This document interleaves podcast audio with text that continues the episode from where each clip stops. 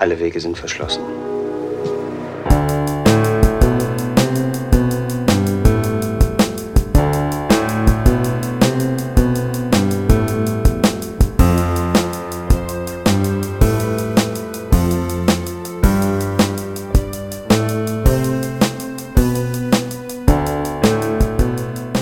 Hej och välkomna till Demonpodden.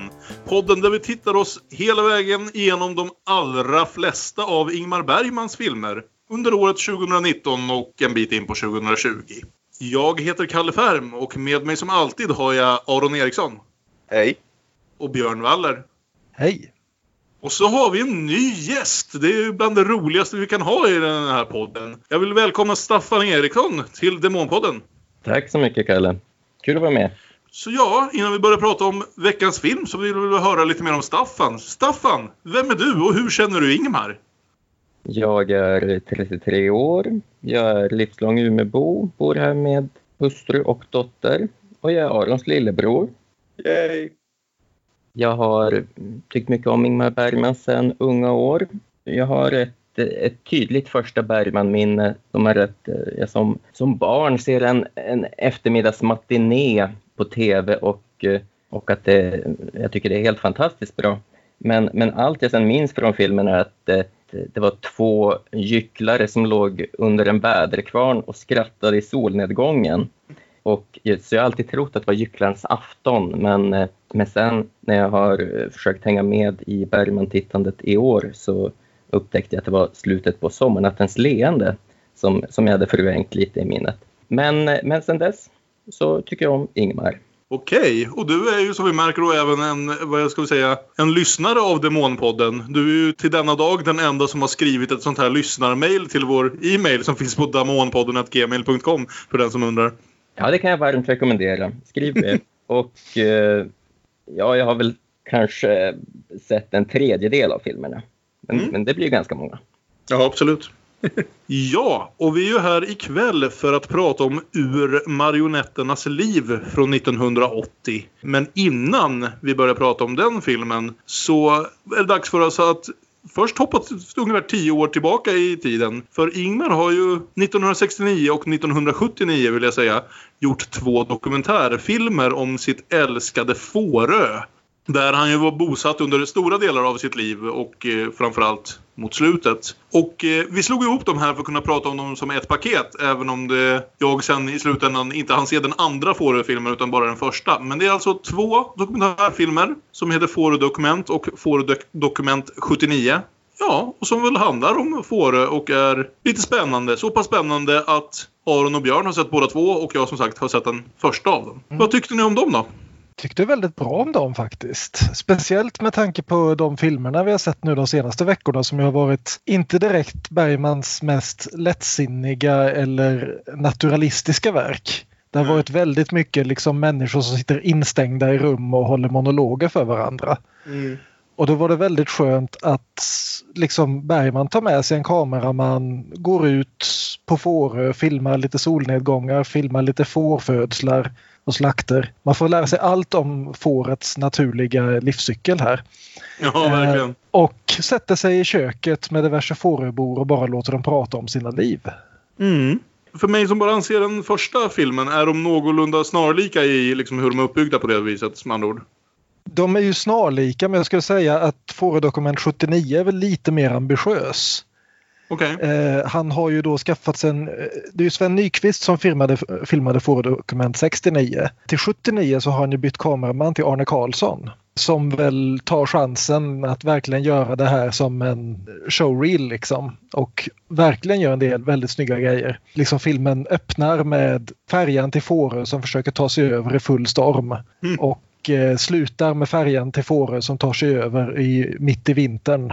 Och det, däremellan så är det väldigt många snygga bilder både på grisslakt och på natur och på människor som bara ja, håller på med sitt arbete helt enkelt. Mm. Man, man får mycket mer en känsla av att Fårödokument 79 är, ja, alla dokumentärer är ju manipulativa liksom, men att det känns mycket mer som att han bara ställt dit en kamera och låtit folk gå vidare med sina liv hellre än att nu kommer den stora regissören på besök, ta fram kaffet och sätta ner och prata med honom. Mm. Den här från 79 är ju också dubbelt så lång. Den Mm. första var väl En timme bra exakt, vill jag säga. Den var så pass ändå. Mm. Och den andra är långfilmslängd. 1.40 kanske något sånt. Mm, mm. Och den här Arne Karlsson har ju varit med i bakgrunden. Det är han som plåtat de här dokumentär bakom-filmerna som finns på Ja, ja. Höstsonaten och ja, Marionetterna. Har det varit någon fler? Jag minns inte. Alltså jag vill minnas att han, hans namn i alla fall dyker upp eh, när Ingmar läste upp alla de här listorna på alla som arbetade på sex scener ur ett äktenskap. Vill jag Ja, säga. han- Man hör, hörde hans namn några gånger om. Han var väl stillbildsfotograf på ett antal filmer innan, Mm, tror jag. Okej. Men sen också att Fårödokument 79 känns så väldigt mycket mer, om inte optimistisk så i alla fall mer liksom, ja, inte fullt så negativ som Fårödokument 69. Mitt Fårö-dokument från 1969 utmynnade i en nedstämmande prognos. Fårö var i utdöende. Ungdomen gav sig av. Kommunikationerna och den kommunala servicen monterades ner. Fisket hade upphört att existera. Arbetstillfällena på ön var mer än begränsade. Framtidsbilden föreställde en avfolkad bygd som under sex sommarveckor förvandlades till ett groteskt svällande turistparadis för tillresta fastlänningar och sommarlediga socialdemokratiska politiker. Den framtidsbilden stämmer inte riktigt idag. Man kan knappast påstå att Fåröborna har fått det bättre, men de har inte heller fått det sämre. Och på en punkt är omsvängningen radikal. De unga människorna tar inte längre avstånd från sin bygd utan är på ett helt annat sätt beredda att stanna kvar på ön och försöka göra det bästa av en situation som inte är alltför storartad. Nej, precis. För, för mig som bara har sett Fårö dokument 69 så är det ju verkligen känslan av att jag, Ingmar och människorna på ön älskar den här ön men det är fan på väg ut för det. är typ sista generationen som kommer finnas där. För alla flyttar därifrån och de vägrar bygga, bygga en bro istället som ska ersätta färjan och ja. Och vidare. ungdomarna vill bara sitta i bussar och lyssna på Ola and the Janglers. Precis.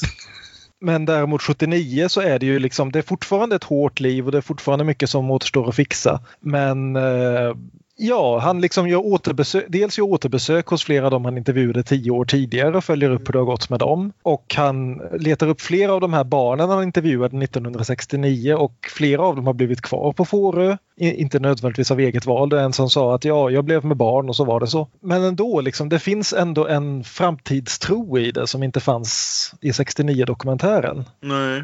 Till viss del också för att han har valt lite mer att ha en del huvudpersoner i det. Han har till exempel en gammal bonde som precis har gått i pension och börjat skriva dikter och har skrivit hundratals dikter på något år. Och liksom återkommer genom hela filmen och sätter sig under en ek eller är med på en begravning eller någonting och läser upp en dikt om Fårö. Och han har en äldre, annan äldre bonde som, som han säger liksom av eget val bor och arbetar helt själv som återkommer genom hela filmen och liksom ja, sliter på helt enkelt. Ja, nej, för det är ju ändå så att min känsla kring Fårö dokument 69 var att den levde lite på hur bra många av intervjuerna var med de här människorna och då ofta att de han bara lät prata på i stort sett som inte behövde så mycket liksom frågor för att berätta intressanta historier. Jag tänker då framförallt kanske på den här äldre kvinnan precis på slutet av filmen på sin, som på sin ibland nästan ohörbart breda eh, gotländska be, berättar historien om hur hon förlorade sitt ben och sen fick köpa ett eget ett träben för egna pengar men hon hade pengar för hon hade fått något stipendium för att hon hade räddat folk i sjönöd Ja, som hon hade sen hade stoppat undan. jo, precis. och så vidare. Sen så kanske jag liksom inte hade behövt se riktigt så mycket, eller ett sånt långt segment med fårfödsel på fårfödsel, utan man fattade efter en stund. Men det var, en- det var en trevlig liten Ja. sak. Och Det var vi nämna, väldigt gemytligt och fint. Och fint att se Ingmar så varm och verkligen prata Ja. med folk. Att Man märker att han trivs sånt. där ute. Han har aldrig trivts när man sett honom liksom i intervjuer eller liksom i dokumentärsituationer. När han liksom måste vara ute med vad ska vi säga, konstnärsfolk eller liksom hantera pressen eller sådär. Han har väl sett ibland som att han trivs på filminspelningarna men även då har han ju ganska lätt för att börja vråla åt folk. Mm. Här Men det för att det här är hans film. Han kan, ju, han kan ju se till att det syns att han trivs. Ja, jo, i och för sig. och så kan vi nämna också att eh, soundtracket är uppdaterat då från Ola and the Janglers till Strix Q. Och vilka är då Strix Q? frågar sig vän av ordning. Jo, Strix Q är Magnus Ugglas kompband. Och att få vara med i den här filmen var tydligen höjdpunkten på deras solokarriär. För deras Wikipedia-sida slår fast att några år senare så ringde Magnus Uggla med upp och ville ha, ha dem med på en turné igen. Och där slutar Wikipedia-sidan mitt i en mening. Strix Q var i alla fall ett band som eh, Shazam kände till. En del av den andra musiken kände den inte till. Nej, Nej, även jag har shazamat en del annan musik inför avsnittet. det andra bandet var så vitt jag förstår Rock Deluxe. Oho. Okej. Detta välkända svenska Vi glömmer 70-talsband. aldrig. Han säger ju också det i slutet. Det är intressant att nästa Fårö-dokument utkommer förhoppningsvis 1989 om vi fortfarande är vid liv. Men Ja, det gjorde det ju inte. Var, nej, så hans plan var helt enkelt att göra en sån här 7-Up-grej som, eh, som, vad heter han nu då? Det finns hur som helst en dokumentärserie som började med 7-Up på, på eh, 60-talet och där de nu precis ska släppa six- 63 Up. Som helt enkelt Okej. har följt de här barnen från 7 års ålder till 63 års ålder med Ja. eh, sju års intervaller hela tiden. Det här verkar ha varit Ingmars försök till något liknande då, även om mer vad ska jag säga, baserat kring Fårö än just en, en viss grupp människor. Ja, och man tänker ju nu när man har lärt känna de här fårägarna hur Ingmar kom dit en dag. Tjena, jag ska spela in en film som heter En person. Jag behöver åtta döda får. precis vad jag tänkte till? på. En bra icebreaker. Ännu mer än i, än i en passion så får vi bekräftat att det finns gott om får på Fårö. I alla fall. Ja. Det är väldigt mycket får i Fårö-dokument. De spekulerar att namnet kommer från ön dit man far. Men det ser ju vi att det är ön med en jävla massa får. Men jag, jag läste fast något om det att problemet med den teorin är att får heter inte får på gotländska, det heter lamm. Så i så fall skulle den heta Lammön. Okej. Ja. Har ni något mer om Fårö-dokumenten? De är väldigt trevliga. Mm. Lite mycket slakt. Lite mycket slakt och lite mycket födsel och bara lite mycket... Jag har inget emot födsel och sådär. Det var mest, vad heter det, den rena mängden. Det var som att vi måste få upp den här till en timme nu. Hur många fårfödslar filmade du Sven? Filmade många fårfödslar. Eller var det bara en där de knökade in lammet hela tiden igen för att fo- fota ur olika vinklar? Tagning sju. Men med det sagt om det så går vi väl vidare till veckans film ur marionetternas liv. Och jag försöker minnas nu, jag tror vi nämnde i förra avsnittet om höstsonaten lite grann om Ingmars skatteexil till Tyskland och så vidare. Men vi, här märks den ju verkligen på ett annat sätt. För här har vi behövt gå och göra en film på tyska med tyskar överallt. Mm. Och eh, ja, det är väl innan vi börjar diskutera den så det är väl den vanliga frågan att ställa att varför Staffan kände du att det här var filmen där du ville gästa oss? Ja, det var av schematekniska skäl. Stjärnorna låg rätt. Jag hade, jag hade aldrig, aldrig sett den förut, men, eh, men det var roligt. Och eh, jag visste inte ens om att den skulle vara på, på tyska när jag tackade ja. Och jag, jag kan inte tyska, eh, så jag, jag får höra lite från er kanske då om, om hur ni tycker att, att det klingar. Men, men det, det blir kul. Man, det blir ungefär som att man hamnar i, i den genomsnittliga genomsnittlige utländske Bergman-tittarens eh, stol att sitta och läsa texterna och försöka se hur de, hur de upplever Bergman. Mm. Min tyska är högst tveksam så jag gissar att det är Björn vi kommer få luta oss på när det kommer till sådana saker som huruvida översättningarna är bra och så vidare. Det tycker jag nog att de är genomgående. Det var väl inga stora, det var några enstaka småsaker liksom. Textremsan åtminstone på den svenska DVDn har några eh, rena stavfel. Sådana saker. Att de skriver Mm. salar när de menar själar. Men ja. Okej. Men innan vi går djupare in i diskussionen om urmarionetternas liv så tänkte jag läsa ett litet synopsis från regi Bergman. I en tysk stad blir en prostituerad kvinna brutalt mördad och skändad av affärsmannen Peter Egerman. Det finns inget uppenbart motiv. Genom en serie återblickar visas Peters djupt splittrade personlighet och hans kärlekslösa äktenskap med den vackra Katarina. Jag har väl inget emot den där beskrivningen för det är en svår film att sammanfatta på något annat sätt. Lite fundersam på varför vi måste helt plötsligt beskriva henne som den vackra Katarina. Sånt har vi inte hållit på med de här synopsisarna så mycket. eh, det är inte som att liksom ansikte mot ansikte slutar med hon får hjälp av den skäggiga Erland Josefsson. Eller liksom andra sådana här beskrivningspunkter. Men, men visst, det där duger väl. Ja. Nej men Staffan, eh, när du nu till slut fick den här filmen. Mm. vad tyckte du sen om den? Ja, eh, den var inte dålig. men, eh, men, men så säger man ju bara om det man inte tycker om. men den var inte dålig. Jag undrar lite grann någonstans. Jag slutade precis se den som ju är min vana typ 10 minuter innan vi började spela in det här. Men ändå. Jag undrar lite grann om den inte var dålig. Men, Jag är Men- nog benägen att hålla med dig alltså. För jag Ja. tyckte verkligen inte om den här filmen. ja, jag, jag, är- jag har sett den en gång förut men jag måste också säga att jag kan sällan kommer ihåg att jag har sett en film som jag minns så lite av. Vilket kanske säger någonting. Och det var också flera punkter när jag blev så här. Jaha, det här var den här filmen. Jag bara mindes någon bild eller någon händelse som poppade upp och som jag liksom inte nödvändigtvis hade knutit till just den här. Har vi sett en del andra, vad ska vi säga, tyska melodramer från den här tiden som det ibland är lite lätt att blanda ihop den med. För det är en viss stil ändå som tysk film hade på den här tiden som han faller ganska väl in i. Jag tycker inte det är en ointressant film. Jag tycker inte det är en film helt utan in, liksom spännande bitar. Men som film i helhet så vet det fan alltså. Vad säger du Aron? Ja, jag tycker nog inte att den var dålig. Den har sina stunder. Sen har den en del stunder som inte är så lyckade men, men nog hade jag lite utbyte av den. Ja, Man kan väl... jag kan acceptera den beskrivningen av det, visst. Ja. Ja, det är alltså, som en jag, blandning av scener ur ett äktenskap och Psycho. Vilket ju bara är en...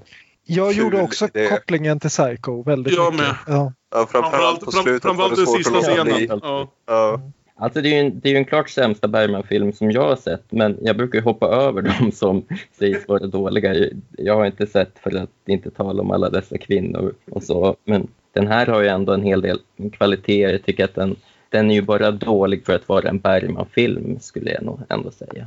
Det är något, alltså lite grann känner jag att den faller för mig in i samma...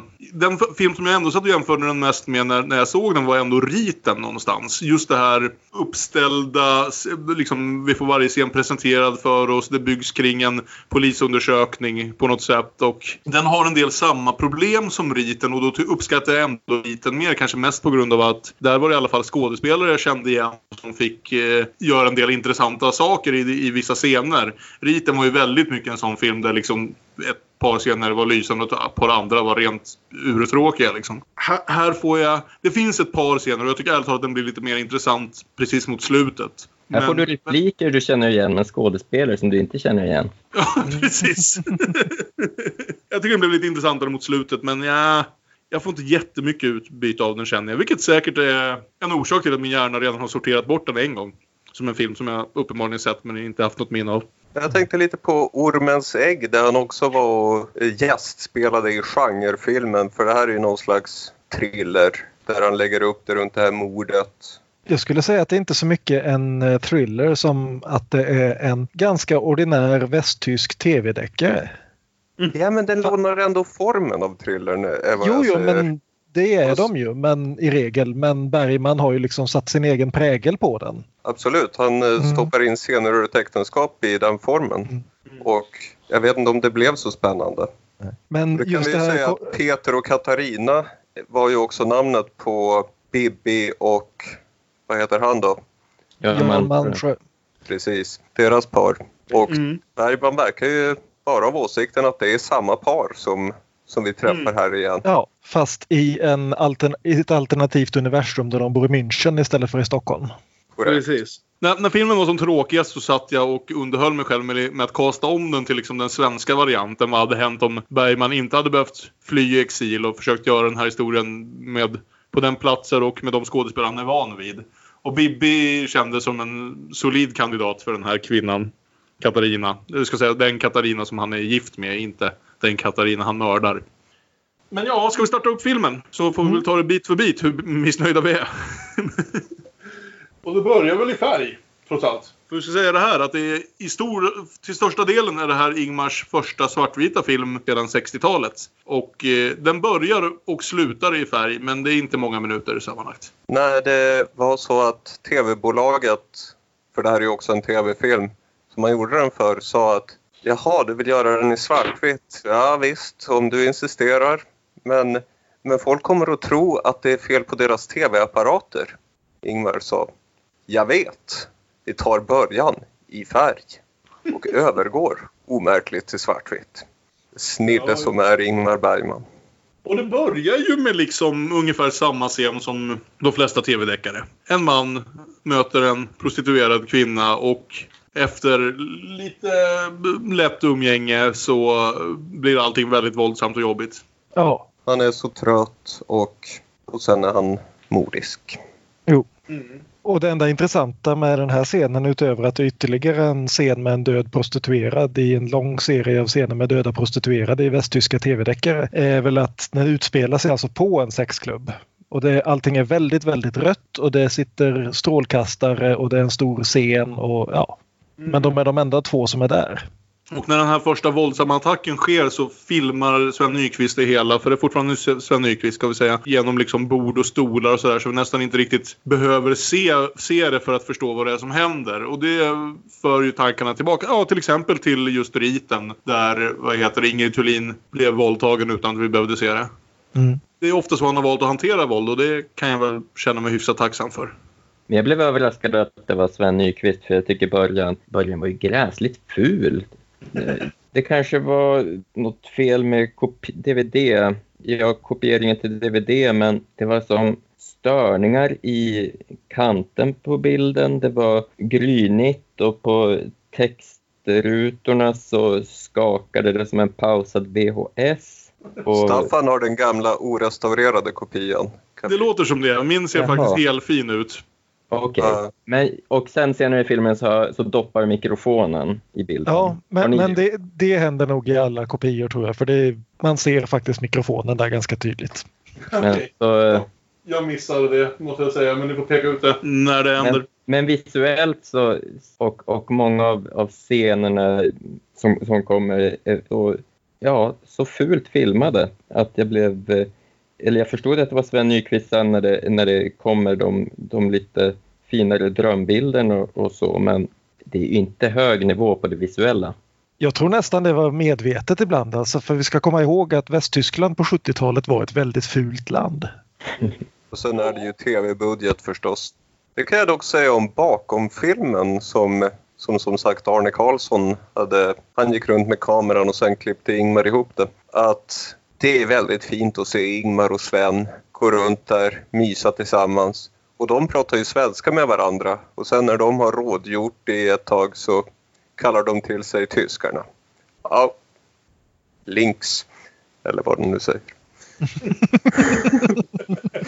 Det var det enda tyska ord jag nu kom på. Achtung, mein Herz brennt. Men ja, det är väl inte den visuellt snyggaste av eh, Jag- filmerna på ett tag. Jag har ju alltid gillat hur Sven Nykvist filmar närbilder i och för sig. Så just de här rena intervjusegmenten är jag helt okej med. Även det där tänkte jag väldigt mycket på riten dock. Och alltså, man får ju känslan av att det är förmodligen precis så låg budget som det är. Att de inte har mycket plats att röra sig med eller mycket möjligheter att göra liksom, vad ska jag säga, mer avancerade kamerasvepningar och liknande. Men jag ska väl säga så här, jag hade inget emot den rent visuellt. Men jag visste jag var inte direkt wowad bortsett från de här två drömsekvenserna heller. Eh, Blir det svartvitt eh, direkt efter att, att hon dör eller blir det sen eh, när man går över till nästa scen? Eller är det som en... det var en visuell färgen övergång. tonar ut- Färgen tonar ut med att hon dör. Det är bokstavligt talat ja. som att när hennes liv glider iväg så gör färgen också det. subtilt? Men vi börjar bygga vårt pussel och hoppar till 20 timmar senare Mm. med psykiatern Mogens Jensen. Och Mogens intervjuas av polisen och han är ju chockad. Han har känt Peter i 20 år. Hur var något sånt här möjligt? Och Det är återigen ganska standard stuk på den här upplägget. Det är liksom redan direkt från början här så anar jag lite oråd om den här Mogens Jensen och då får man ju verkligen bekräftat nästa scen då. Men just det här att han är så väldigt noga. Ja, men jag har känt honom i 20 år. Han är jättetrevlig, han är lyckligt gift, han har gott om vänner, hans mor är jättefin. Det är inget konstigt med honom alls. Nej, precis. Och han kunde inte alls förstå varför han ringde honom mitt i natten och kallade honom till ett ställe där han hade mördat en, en flicka. Och jag tänker mig att den här rollen skulle spelas av Erland Josefsson i ungefär sin en passion-mode. Om Ja. det hade varit i Sverige. Ah, du ger den rollen till Erland. Vem ger du manliga huvudrollen? Det Funderar är Jan. Malmsjö. Max. Ja, det skulle vara Jan Malmsjö om vi faktiskt skulle fortsätta det. Det är klart. Ja, det, kanske, det hade fan varit intressant. Vi gör så. Om vi hade gjort det till en rak uppföljare till senare ett äktenskap så... Då vore det ju jäkligt underligt att ha Erland som Mogens här. Ja, men äh, Psykodynamiska institutet eller vad han nu jobbade på. Han var en Mogens typ.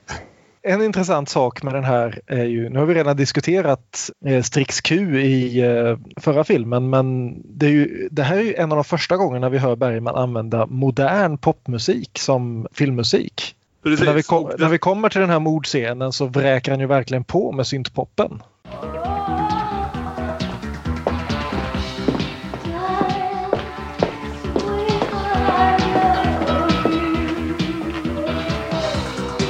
Vi fick ju lite Björn Skifs i ansikte mot ansikte i den där partyscenen hos Siv Rud. Men jo, det, var, det är intressant bara att han, vi kommer en bit ifrån Albach vid det här laget. Men sen så får vi då nästa scen där vi får veta att det är en flashback och det är 14 dagar före katastrofen. Och här måste liksom, Katastrofer. ja, Ja, ja, men här blir jag förbannad direkt liksom. Därför att det är ingen katastrof. Är en man som har slagit ihjäl en kvinna. Det är inte en katastrof. Det är möjligen en katastrof för honom. Och det kommer man ju att förstå under filmen att hela filmen handlar om honom. Va- vad synd om honom som gjorde det här. Och hon kommer egentligen aldrig med i filmen överhuvudtaget. Hon finns med för att vara naken och vara död. Jag har, tycker att Och jag tycker det är synd för Bergman har liksom, det, det, det är samma grej som Bergman klev ifrån redan i eh, Kris vill jag säga. Mm. Det, ja, det hör väl till Ja. formen liksom men ja. För att, för att bryta vår form lite grann här så vill jag säga ändå att det finns en lite poäng med det här. Nämligen att mitt problem med den här filmen i helheten är att någonstans, bortsett från de rent, vad ska vi säga, tekniskt schabbliga bitarna, att det är lite av en tv-deckare och sådär. är Att det är en så jävla kall, hård, cynisk film med kalla, hårda, cyniska människor som aldrig liksom ger någon öppning för att vi ska börja bry oss. Mm. Och när hon sen återkommer det här mordoffret i en av de sista scenerna så tycker jag att hon spelas med en viss värme och visar en viss vänlighet som inte har funnits i den här filmen alls tidigare. Så att det nästan blir poängen. Att det är just det hos henne som driver honom till det här. Det jag hon, i- herregud, hon behandlar mig som en människa. Mm. Det här kan vi inte ha att göra med. Så det liksom, på det sättet tycker jag det fungerar. För hon är, är med god marginal filmens mest sympatiska Mm. karaktär. Så lite som hon nu får vara med i den. Ja, men jag tycker att det blir redan från början väldigt tydligt att filmen ställer sig så benhårt på hans sida. Ja, eller, ja, Ja. Jag, är inte säker på att, jag är inte säker på att jag håller med om det. Jag tycker bara att det här blir någon slags jävla kall studie på ett sätt. Alltså, Bergman har ju ändå hanterat ganska mycket, vad ska vi säga, jobbiga, mörka, komplicerade människor och sådär tidigare. Det finns liksom ingen ingångspunkt för att vi ska börja bry oss om något av det här känner jag. Jag har väldigt svårt att ta det till mig på ett annat än liksom analytiskt plan. Mm. Jag är nog med Kalle här. Jag tycker inte att det är ett positivt porträtt av denna Peter. Jag skulle inte säga att det är ett positivt porträtt, men det är ett porträtt som bara är intresserat av honom. Men att vi står på hans sida kan man väl inte säga. Peter blir som bortplockad med det här upplägget av att Eh, lägga mordet först. Han, han blir ju väldigt ointressant och det, det är inte, inte bara hans eh, figur som gör honom ointressant utan också att vi, vi vet eh, hur det kommer gå och en anledning att ta mordet först kan ju vara då att det istället blir fokus på människorna omkring och att ramberättelsen i förhörsrummet stärker ju också det att det, det handlar inte alls om Peter utan det handlar om eh, Mågens Mogens Jensen och, eh, och alla andra som kommer att mm, förhöras. Jo, nej, men ni har, ni har rätt och jag uttryckte mig lite dåligt men det, det är liksom hela filmen roterar runt Peter, inte som subjekt utan som objekt. Mm. Det handlar hela tiden, han har begått ett mord och nu ska alla förklara varför han gjorde det och varför de själva inte begrep vad han höll på att göra. Vilket ju den, hela den här scenen går ut på, eh, som kommer nu efter att Mogans har eh, vittnat för polisen att han har ingen aning om att Peter skulle kunna göra någonting sånt här. Så har vi ju nu liksom en tio minuter lång scen där Peter monologar om hur mycket han vill slå ihjäl sin fru. Mm. Och Morgan sitter och säger åt honom Nej men herregud, inte ska du ha terapi eller medicin för sånt här. Herregud, ta en lång promenad och en konjak så blir du som folk igen. Ja, Mogens eh, är inte jättesympatisk. Bergman är fortfarande inte jätteförtjust i psykologer, ansiktet mot ansikte till trots. Jag tror jag vi märker det här. Eh, Så den trenden Ja, fortsätter ju. mm, ja, det säger han väl mot slutet här att, att man utplånar ångesten genom att utplåna identiteten. Det är väl Mogens analys av sitt eget yrke. Ja, det, det är väl inte sant. Vi, vi, vi har ju en rätt fin drömscen i den här i alla fall. Mm, absolut. Eh, Där man för första gången märker att det är Sven Nykvist som filmar. När vi klipper till det här väldigt, väldigt soliga rummet som vi kommer återkomma till. Där då eh, Peter fantiserar om hur han ska mörda sin fru. Med en rakkniv framför en spegel. Och eh, en- grej vi jag faktiskt gillar här är att Mogens svar på detta är inte nödvändigtvis att varför vill du slå ihjäl din fru? Vilket väl borde vara ett rimligt svar, men just det att han går in på att förstöra den här fantasin. Ich fühle Ihre leichte Berührung. Am Hals klopft ein kleiner Puls. Hast du dir schon mal klar gemacht, dass ein Mensch verblüffend viel Blut enthält? Wenn du die Halsschlagader aufschneidest, dann spritzt das Blut an die Wände. Du selbst wirst über und über mit Blut bespritzt. Es riecht ziemlich stark und ist klebrig. Außerdem stirbt dein Opfer nicht sofort. Es dauert etliche Minuten, bis die Bewusstlosigkeit eintritt. Wahrscheinlich habt ihr alle beide Zeit, eine ganze Menge zu denken. Vielleicht bereust du. Och när liksom vi har suttit och tittat på den här väldigt estetiska fantasin av hur det ska gå till och Mogens direkt påpekar ja men då kommer det att spruta blod överallt. Det kommer att ta henne flera minuter att dö. Under tiden så kommer ni att liksom behöva umgås med varandra. Fatta vilken ångest! Du måste förklara för din döende fru varför du har dödat henne. Mm. Ja, nej, men det är, jag håller med. Det är en av de bra stunderna i den här filmen. Just den här... För nu, ju mer jag sitter och tänker och faktiskt försöker analysera det här. Jag funderar på hur man skulle kunna göra den här historien på ett sätt som vad ska jag säga, släpper in tittaren på ett annat sätt än vad den här varianten gör. Och jag antar att det är liksom antingen att göra det till en historia som dock skulle bli mer problematisk men där, där vi, vad heter det, där Peter presenteras som mer sympatisk i sina icke-psykotiska ögonblick. Så att vi därmed får börja sympatisera med liksom hans fall ner i den här psykosen. Eller att vi skulle lära känna hans fru mer och liksom genomlida det via henne. Att hur det är när liksom ens make faller ner i vad fan det här än är för något. Men de är ju så jävla otrevliga båda två precis hela tiden. Och Vad tror du liksom om det här upplägget att Katarina Kraft, då den prostituerade karaktären, egentligen jobbar på en bank? Hon kanske tar lite pengar från banken. Kör ut i natten. Kommer till ett hotell eller något. Ett motell. Ett Nå- Någonstans, någonstans där autobahn har dragits fram fem mil bort så att den här landsvägen inte lever längre och motellet inte har någon business. Det är något sånt du tänker? Det här kan bli något. Det här kan bli något. Ja, ja, så borde det ha varit. Men här i den här scenen tyckte jag ändå Mogens hade just det här slå sönder fantasin är ju en del helt okej psykologande. Så egentligen är det väl först när den här scenen övergår i sin fortsättning för Peter ska gå därifrån men han låtsas bara gå som den lömska individ han är. Precis som Och- Max i en passion. Precis. Och eh, Mogens ringer då genast Katarina, frun, och hon kommer dit. Och det visar sig ju att Mogens har ett e-, eget intresse av denna Katarina. Så, så där inser man att, ah, okej, det är den vanliga, inte så sympatiska psykologen. Mm.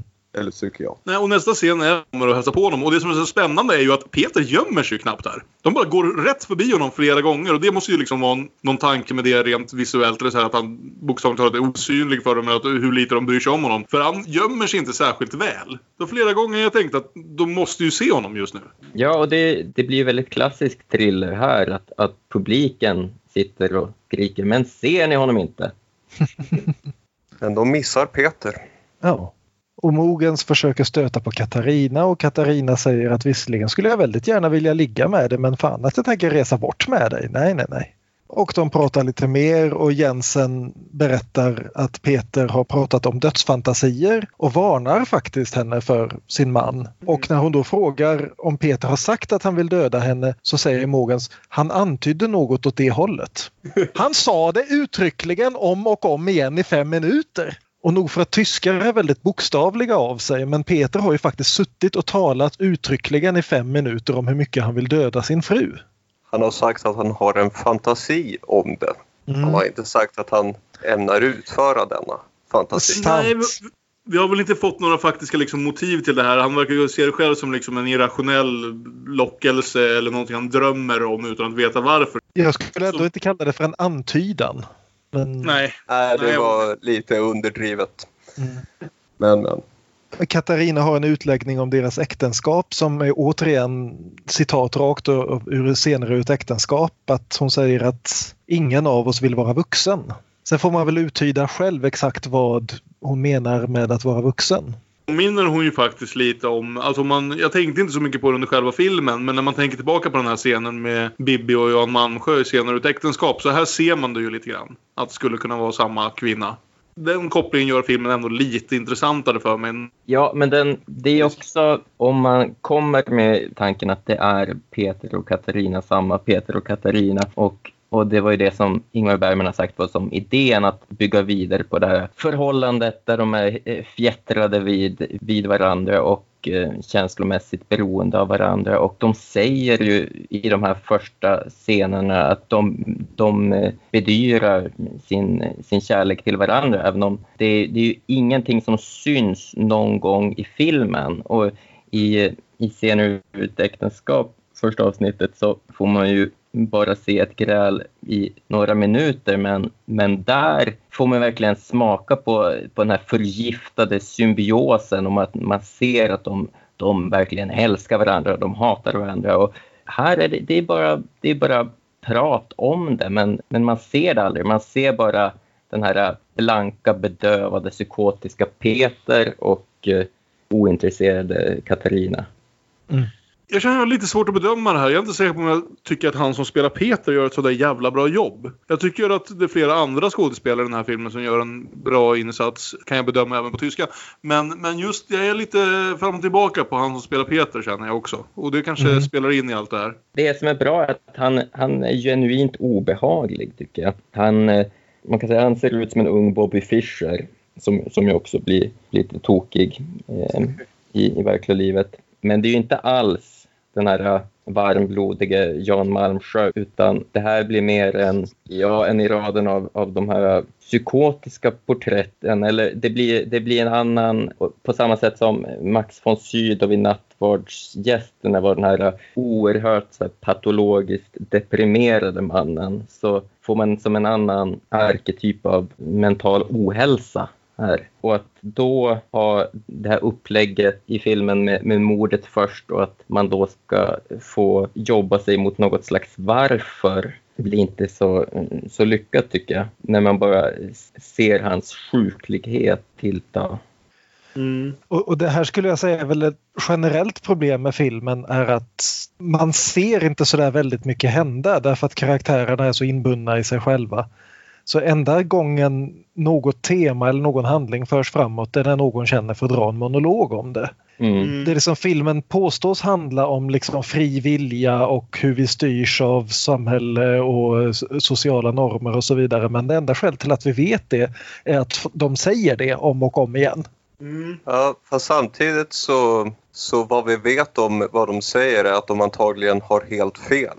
Jo. De är väldigt opålitliga. Omedvetna motiv som vi pratade om i höstsonaten. Jo, mm. sant. Så det hade kunnat bli något. Mm. Men jag håller med att det, det brister lite. Ja. Mm. Nästa nu när vi sitter här och är negativa så kan vi ju nämna att Ingmar Bergman tycker själv att det här är en av hans bästa filmer. Han är väl medveten om att det inte är så många som delar den åsikten men han är jävligt nöjd. Ja. Då så. Jag undrar om Ingmar ibland känner att hans filmer är lyckade eller inte lyckade baserade på hur väl de liksom speglar hans egen sinnesstämning vid tillfället. Och Ingmar är ju inte på en bra plats här alltså. När han gör den här filmen. Det blir väldigt uppenbart och det har det ju pratats en del om också i dokumentärer och annat. Det är nog så att han helt enkelt fick utlopp för vad fan det än var han gick igenom vid det här tillfället med det här. Mm. Och det var ju bra för honom i sådana fall. Det är ju bara synd för oss som måste titta på det. Vi får en kort scen här där eh, Peters mor Cordelia blir förhörd och vi får veta att han var ett snällt barn som var rädd för mycket och lekte dockteater. Ja, väldigt boksmart. Mm. Blev läkare. Mm. Blev han läkare? Han är inte läkare. Nej, Peter jobbar med någon slags väldigt abstrakt konsultverksamhet som... Ja, just det, det, är ju, det, är hans, det är ju hans roligaste stund i hela filmen då han, ja. då han dikterar på jobbet en, ett, något slags svar till sina kollegor om, om någon komplicerad process och eh, det är ett, ett långtal de går ut på att det var helt obegripligt att förstå vad han jobbar med. Ja, precis. Import, export. Ja, Vi får i alla fall här en av de lite bättre scenerna i filmen tycker jag. Det här när det är fem dagar före katastro- förlåt, mordet och Peter och Katarina kan inte sova och sätter sig vid köksbordet och super istället. Och vi får den här fina repliken från Katarina då. Du verrückt Likör um drei Uhr morgens. Ich nehme mir einen kleinen Whisky und nichts sonst. Vadå, dricka likör natten till måndag? Nej, nej, jag tar lite whisky. och vi får faktiskt en rak fråga här. Varför är du så olycklig? Och Peter svarar att alla vägar är stängda. Alle Wege sind verschlossen. Just det, det gör han. Det hade Vilket jag hunnit glömma vid det, vid det, vid det laget vi faktiskt kommer till slutet av filmen. Men det, Vi- ja.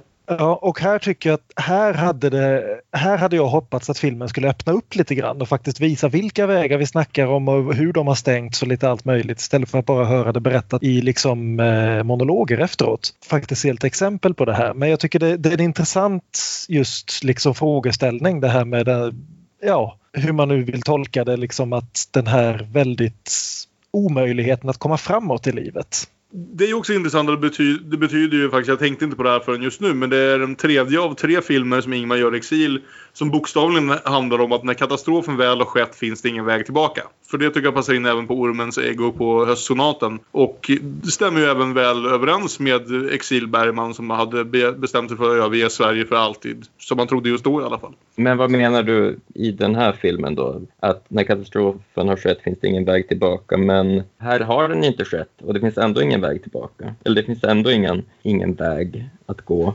Den har ju skett rent berättartekniskt. Ja, jag Men vi menar har ju inte just den här den ske. scenen utan jag tänkte filmen i sig. Att Mm. katastrofen sker ju direkt och jag tror inte det finns någon väg tillbaka. Och det han visar här i den här scenen och i hela filmen i och för sig var ju att katastrofen dessutom var oundviklig. Den är både oundviklig och sen när den väl har skett kan det inte repareras. Utan, Eller alternativet var att Katarina skulle ha blivit mördad om inte ja, A blir mördad ja, eller om Mogens hade gjort sitt jävla jobb i och för sig och typ hållit lite bättre koll på honom eller fått honom i någon annan behandling, lite mer intensiv behandling innan det, det som skedde skedde. Men, men utifrån, om vi ser utifrån huvudpersonens synvinkel så är alla dörrar, alla vägar är redan stängda även innan det sker. Alltså det, det här kommer oundvikligen att vara slutpunkten. Sen tror han säkert att det är en annan, Katarina, en annan Katarinas död som är den oundvikliga slutpunkten, men likväl. Vi har inte sagt det kanske, att, att den prostituerade kvinnan som blir mördad också heter Katarina. Har vi sagt det? Nej, ja, jag är inte säker på faktiskt om vi nämnt det. Men, men kallas för K. Precis. Vilket alltså också är så man uttalar K på tyska. Så hon har alltså ett väldigt kafkaiskt förnamn. Eh. Men eh, sen får vi den här lite roliga scenen då där Peter dikterar ett brev i jobbet. Ja, och det är väl i princip den enda roliga scenen i hela filmen och även då så är den alltså rolig på så sätt att det är en deprimerad tysk som dikterar ett långt brev om räntor, räntor och amorteringsdatum. Eh. Den, den är ju rolig på det här absurda sättet att man tänker sig att det förmodligen precis så här det går till. Att man vill försätta kunderna i en situation där de liksom... Ja, nej, men alltså jag, jag gillar absurditeten i den. I hela, liksom. ja, men just, vi nämnde precis Kafka och det ligger något... Det finns en jobbig blandning av förmodligen både Kafka och realism över den här scenen. Sen ska jag säga att det finns en punkt i den här filmen som fick mig att gapskratta. Men vi är inte där än så jag tar det när det kommer. Ja, Kafka var ju försäkringstjänsteman så Ja. Ja, den visar ju också att Peter är ganska bra på att snacka det här språket Mm. och att han är, han är inte bra på att prata om känslor. Och vi, vi tänker tillbaka på den där monologen om känslomässiga analfabeter som vi hörde Mm. i scener ur ett äktenskap. Ja, fast då är ju ändå Peter och Katarina en motpol till Johan och Marianne som sitter med locket på. Och det fanns ju ändå någon slags moral om att eh, man behöver ventilera också. Även om Peter och Katarina står för, ja, att det har gått för långt. I den här scenen dock måste jag säga, den här kontorsscenen, här känner jag Sven Nykvists närvaro. Här är det snygga kontraster och han får en lampa att leka med, vad heter han, Peter? Här tycker jag att fotot hoppade upp ett snäpp. Jag tycker det var en ganska stilig, kontrastrik, vad heter det, skildring av det här kontorslandskapet eller vad ska jag säga, opersonliga västtyska kontoret i alla fall. Ja, jo, det kommer ganska många fina scener i mörka rum nu mot när filmen har kommit igång. Och sen så får vi ju följa eh, Katarina till jobbet också då. För hon håller på att förbereda en modevisning. Och Här får vi igen snygga bilder. Mm. Ja, slow motion Ja. börjar jag undra. Hur ofta har vi sett det i hos Ingmar? Inte väldigt ofta i alla fall. Nej. Nej, med tanke på alla drömmar han har gjort så har han hållit sig lite borta från det. Men här Eh, fint silhuetter som dansar runt på catwalken och försvinner och dyker upp. Det är ganska vackert helt enkelt. De har sagt att de heter Egerman än förresten bara för att liksom checka nej, det av den. sagt. Men, Bara för att liksom checka av den punkten igen. Att nu, det har varit ganska många filmer där folk bara pratar om Egermans. De ska på middag hos Egermans, de har fått en inbjudan av Egermans och så vidare. Och så ser vi aldrig dessa Egermans. Men eh, nu har Egermans fått huvudrollen till slut. och nu vet vi varför alla andra har hållit sig undan ifrån dem. Men, ja. Men de ska i alla fall på lunch hos Peters mamma och Katarina tycker så illa om det så att hon stannar hellre i baren och super. Och då möter vi helt plötsligt en ny karaktär halvvägs genom filmen som är den här Tim. Som kommer in och ändå är lite så här. Jag ska inte säga att man, liksom, att man lär känna honom eller att man tycker om honom så. Men han är i alla fall lite intressant på ett sätt som inte någon annan har varit hittills i filmen. Skulle jag vilja säga. Gay best friend. Alltid en bra karaktär. Men, men den västtyska Ingmar Bergmanska varianten av The Gay Best Friend. Som är, Ja. Vilket innebär att han är deprimerad och trolös och har bra kontakt med sina känslor men alla de känslorna är negativa. Jo. Men här får man väl lite filosofiska utläggningar som jag tyckte var lite intressanta ändå. Om, Mm. Om de, är, ja, de är slavar under känslorna men har samtidigt gjort känslorna till någonting helt externt från dem själva. och under den här scenen så tycker jag att den här Tim är någorlunda sympatisk. Problemet är sen att han kommer få ha ett polisförhör där jag tycker han sen vänder på allt det och jag inte gillar honom igen. Men det gör ju också att nu, nu har Ingmar i alla fall tre gånger faktiskt skrivit, nej, till och med fyra gånger, skrivit gay-karaktärer som är nyanserade och någorlunda sympatiska. Eller i alla fall få ett eget känsloliv och inte bara vara Ja, vi, vi återkommer väl till den frågan längre fram i den här filmen om vi säger så. Men Ja, eh, precis. Men Tims monolog, den är ju fantastiskt vackert filmad. Att han eh, pratar in i en spegel och man ser inte var spegeln slutar så det ser verkligen ut som att han är där med ett tvilling-jag när, när han håller sin monolog om, eh, ja, om hur, hur vi styrs av krafter som vi inte kan kontrollera. Som, ja, han, han, han står mer för det temat i filmen. Mm. Och han pratar också om hur eh, den han ser i spegeln, han kan inte förenas med den bilden. För han är ju ett barn och i spegeln ser han en gubbe. fan ska det gå ihop? Så lite Så- efterhand, det här är nog ändå, kan jag tycka, filmens bästa scen. Och det är ju lite sorgligt för den handlar om en karaktär som inte alls är så viktig för filmen som helhet. Ja, eller är han inte det? Eller ja, Han- alltså, den är inte fokus på jag- men han jag spelar en viktig roll i det. Ja. Jag tror att det blir som ett besynnerligt collage av, av människor. Så att jag tycker det verkar som att Bergman har gett upp det här att, att det här ska handla om varför Peter begår ett eh, mord. Utan det handlar om Tim ja, li, i lika hög grad den här filmen.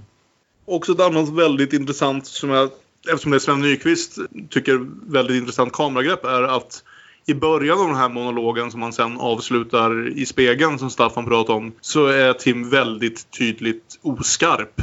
Så att hans gränser bokstavligt talat flyter ut lite i rummet. Han får en sån här, vad heter det, halo-effekt nästan som man brukade kunna få på en del gamla filmer och så. Där han nästan liksom suddas ut i kanterna. Och det blir ändå ganska effektfullt. Först är alltid tanken, åh herregud, någon har klantat sig. Men med tanke på omständigheterna tänker jag att det förmodligen inte är så. Tim har ju i alla fall en replik mot slutet av den här monologen som väl är nyckelreplik lite grann. stelle fest, dass es in dieser Kombination aus Blut und Fleisch und Nerven und Knochenstücken zwei völlig unvereinbare, ich weiß nicht, wie ich es nennen soll, zwei unvereinbare, den Traum von der Nähe, von Zärtlichkeit, Gemeinsamkeit, Selbstvergessenheit von allem, was lebendig ist. Und auf der anderen Seite die Gewalt, die Schweinerei, das Entsetzen, die Todesdrohung. Manchmal glaube ich, es handelt sich um einen und denselben Ursprung. Inom vårt kött och blod så har vi två oförenliga drifter. Dels drömmen om närhet, ömhet och gemenskap och dels våldet, svineriet och dödshotet. Och det kanske till och med är samma drift. Vilket... Ja, det, I den här filmen är det ju uppenbarligen det i alla fall.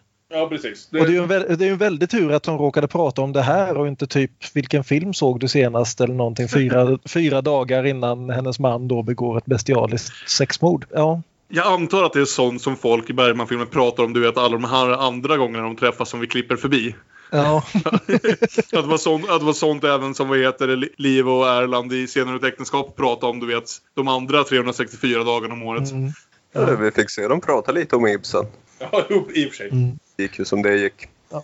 Men han får i alla fall också avsluta scenen med ett eko av Erlands besvärjelse i ansikte mot ansikte. Att han ville ha kontakt med verkligheten, att verkligen ha kontakt med en annan människa. När han eh, ber Katarina ta min hand mot din kind. Känner du den? Känner du att det är jag? Ja, lite en repris på det. Att ha kontakt med en annan människa. Verkligen ha kontakt med en annan människa. Den människan. Så ja, det var lite fint. Mm. Fin scen. Och sen i nästa scen så får vi träffa Tim ännu mera. Ja. För nu är det tre dagar efter mordet och han ska förhöras.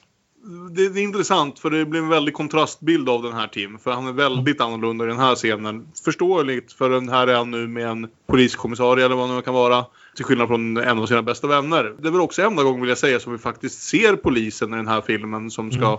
Undersöka allt det här. Det är ju inte liksom en thriller på ett sånt klassiskt vis att vi på något sätt faktiskt får lära känna vem det nu än är som utreder det här. Lite som vi ändå fick i riten någonstans.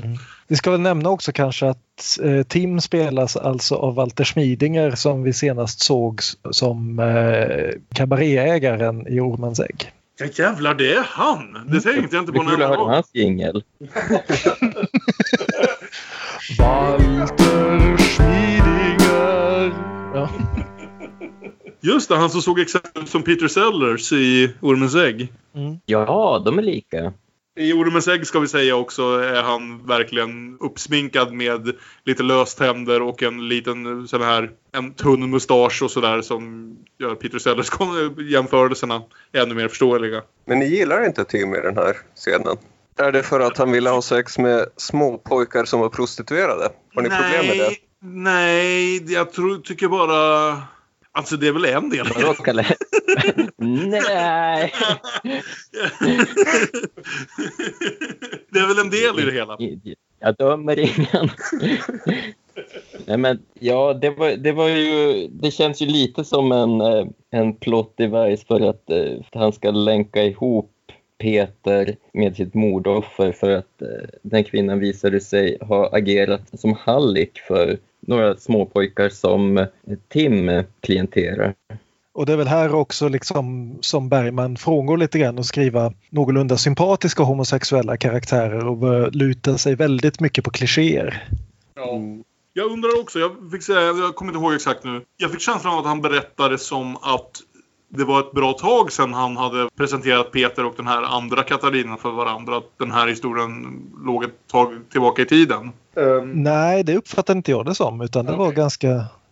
Undrar om det var en felöversättning. Jag har ju sett den med eh, annat undertextspår på, på engelska istället. För jag minns tydligt att jag, att jag just reagerade på det. För jag tror att han... Eller, eller så missförstod jag bara hur, hur han menade. Men att det var, var ett tag sedan. För sen är det ju väldigt tydligt att det är första gången de träffas när vi väl får se den Ja. scenen i mer detalj. Ja, och vi får ju också veta här då att skälet till att han förde ihop dem lite grann var att han hade hoppats att om Peter vänstrar på sin Katarina med en prostituerad så kommer han att bli så deprimerad att han kommer att springa i Tims famn istället.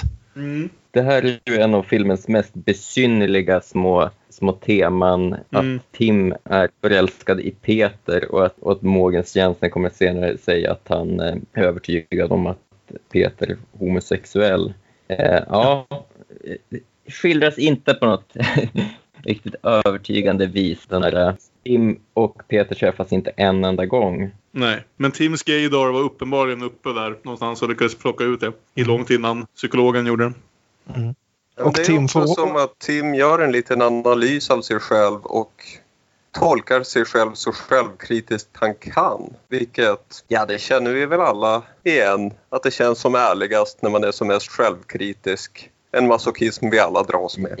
Ja, eller som mest koketterande. Ja, precis. Det är en lite äcklig koketterande masochism som vi fortfarande alla dras med. Att känna skuld är också jag att känna sig... Man har kontroll. Tycker det funkar med Tims karaktär. Och apropå det så får han ju också den här repliken att vi rör oss i föreskrivna mönster, våldtagna sedan födseln. Det vill säga, they fuck you up your mom and dad och så vidare. Ja. Vilket absolut, det är ett intressant tema men återigen, tänk om vi hade fått se lite, jag menar nu har vi ju med Peters mamma i filmen men vi ser dem aldrig interagera på något vis. Och vi ser liksom aldrig om vi jämför med eh, Ansikte mot ansikte till exempel, där vi ändå hade lite mera inblick i hur Liv Ullmans karaktär och hennes mormor relaterade till varandra. Ja, och Så här, den här, långa har, här har vi liksom ingen inblick i det. Nej. Utan det här är bara liksom den här klichén om att människor blir homosexuella därför att de har en förtryckande mor och saknar en, eh, saknar en tydlig fadersfigur. Och ska vi säga så också här att... Och, och att detta beskrivs som ett patologiskt tillstånd där enda utvägen är att begå mord. Återigen, det är psycho. Återigen, eh, hade jag trott att filmen sa det här för att man skulle tro på karaktärerna så hade det varit mer problematiskt. Men nu tycker jag att filmen säger att de här bara gissar och de gissar uppenbart fel. Samtidigt Ja, är det jag- väldigt jag- många som gissar uppenbart fel åt samma håll. Och vi presenteras inte heller för någon alternativ teori. Mm. Jo, men jag tycker att de kontrasterar varandra. Den psykoanalysen som, som kommer sen och det som Tim säger i föregående scen om, om, om sina egna drifter. Att där, där har vi ändå två synsätt och att jag tycker att Bergman verkar inte riktigt köpa det som, eh, det som psykologen har att säga om, eh, ja, om A plus B-förklaringarna till eh, varför Peter blev som han blev utan, utan det är mer av det här är eh, världens grymma öde. Mm. Mm. Nej, men jag kan hålla med. Jag kände nog lite det gra- grann det också. Att vid det laget som han, Mogensen, i slutet av filmen ger sin, får sin psykoscen för att förklara varför allting har hänt så här. Så litar jag inte på honom. Han har ju visat sig vara liksom totalt felaktig hela vägen hittills. Eller ja, nej. Jag, jag, jag Ja. tror inte heller, jag köper inte hans beskrivning och jag tror inte att Ingmar heller gör det. Utan jag tror det är en del i Ingmars fortsatta avsky för psykologer. Och hur de alltid ska ha en Jag förklaring. känner till att jag saboterar det här med kronologin. Att, eh, men vi det- nej, men det- följa det varandra. jag, Men, får, jag får hoppa fram till slutet hela tiden. Ja, men det, men det, Ja. det är svårt eftersom allting liksom bygger mot en eller två scener någonstans så måste Ja. man nästan koppla tillbaka till dem. Så jag tycker det är väldigt logiskt. Ja. Men ska vi försöka komma dit i alla fall då? För nästa scen är ju faktiskt Ja, riktigt, riktigt snygg. Mm. Och vi får jag nästan vet- klassa den som en mardröm bara så vi får använda jingeln för första gången på ett tag.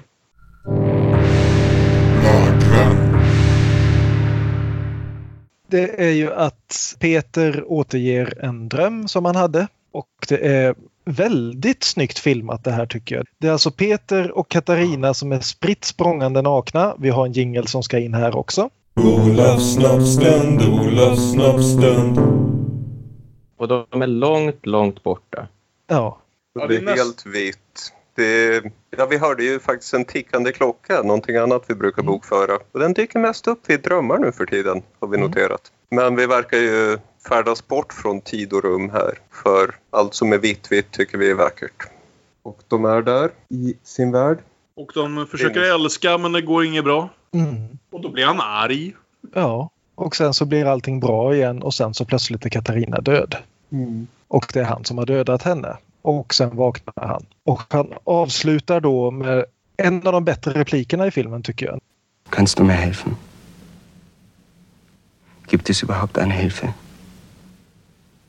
Kann ich noch länger leben? Lebe ich überhaupt? Oder war der Traum, so wie er sich gestaltete, mein einziger kurzer Augenblick vom Leben? Von erlebter und eroberter Wirklichkeit? Men jag gillar hur den här repliken hela tiden liksom bygger vidare på den föregående frågan. Kan du hjälpa mig? Finns det något sådant som hjälp? Kan jag leva längre? Lever jag nu? Eller var den här drömmen hela mitt liv? Liksom var det bara det här erövrade verkligheten som jag fick? Är det resten av livet som är drömmen? Och jag vill säga att vi känner igen det här om huruvida drömmen är verkligheten gentemot resten. Det är, alltså det, det är väl ett vanligare koncept rent generellt. Men jag försökte minnas det från någon tidigare Bergman. Så som i en spegel. Så är det ja.